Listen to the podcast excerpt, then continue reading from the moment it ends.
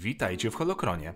W tym odcinku przyjrzymy się postaci, którą możecie kojarzyć z klasycznej trylogii, a która miała nieco bardziej rozbudowany żywot w legendach, ale też w kanonie. Dlatego poznamy dziś obie wersje historii niejakiej Uli. Zapraszam. Wpierw kanon. Ula to zielonoskóra kobieta z rasy Twi'lek, która urodziła się jako wódz klanu na ojczystej planecie i gatunku Rylow.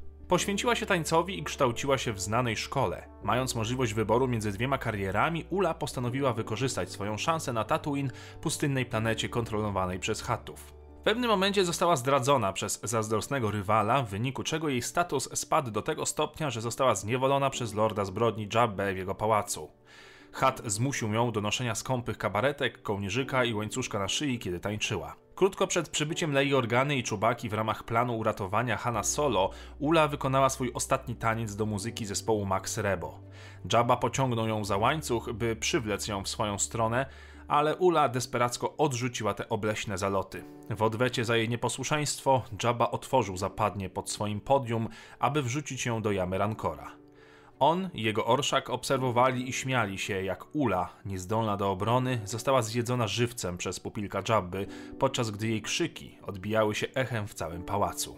W legendach historia Uli jest nieco bardziej rozbudowana.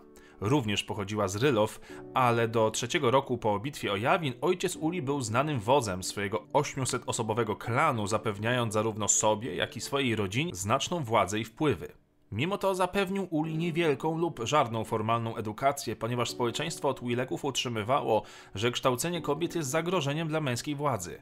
Zamiast tego poświęciła się tańcowi, który zdobił jej dziesiątki wielbicieli, w tym odwiedzającego Twileków przestępcę Biba Fortunę. Zwyczaj klanowy dał ojcu Uli prawo do sprzedaży jej, ale Fortuna miał wątpliwości, czy wódz się na to zgodzi. Zamiast płacić jej ojcu, porwał i zniewolił Ulę. Aby zwiększyć jej wartość, Fortuna zakupił kosztowną edukację taneczną dla Uli i innego schwytanego przez siebie Twileka imieniem Sienra. Obie kobiety odbyły czteromiesięczne szkolenie z tancerzami dworskimi na Rylow. Chociaż Ula nie mogła uciec od zniewolenia, uwielbiała tańczyć i postrzegała tradycję swojego klanu jako zachowanie godności i wiary, której brakowało dworskim tancerzom. Jerry Srad asystował Fortunie w przetransportowaniu zniewolonych tancerzy do Mos Eisley na Tatooine w celu dostarczenia ich do pałacu Jabby. Początkowo byli opóźniani przez szturmowców sprawdzających ich pojazd w poszukiwaniu pewnego chłopaka imieniem Luke Skywalker. Fortuna i jego ludzie okłamali Ule w sprawie czekających ją warunków. Twierdzili, że jej nowy mistrz będzie przystojny, że będzie otoczona luksusem w pałacu, podczas gdy publiczność doceni jej taniec i że sojusz rebeliantów jest gorszy niż imperium. To, co czekało ją na miejscu, miało stać się jej życiowym horrorem. Ula szybko dowiedziała się, że okłamywano ją we wszystkim. Zamiast zwyczajowych tańczących welonów, które sobie wymyśliła, dostała tylko cienki siatkowy kostium, luźno spięty wąskimi skórzanymi paskami i nakrycie głowy, które koszmarnie ją uwierało. Jabba natychmiast się w niej zakochał i trzymał ją przykutą za szyję do swego tronu jako swoją osobistą własność.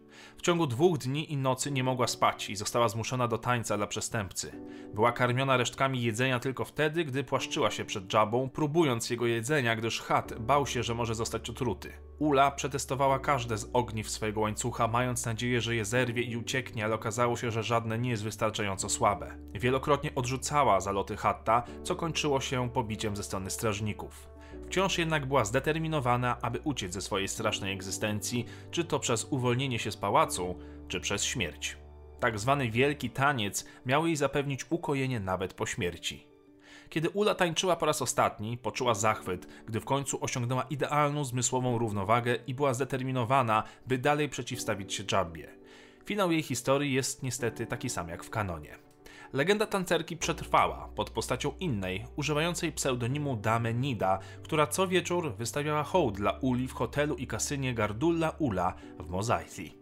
To wszystko na dzisiaj. Dziękuję bardzo za oglądanie. Proponujcie tematy swoich odcinków w komentarzach lub na grupie dla patronów, czyli Szumowiny z Narszada. Wbijajcie na Discord i inne moje kanały, takie jak Aperacjon czy Batcave.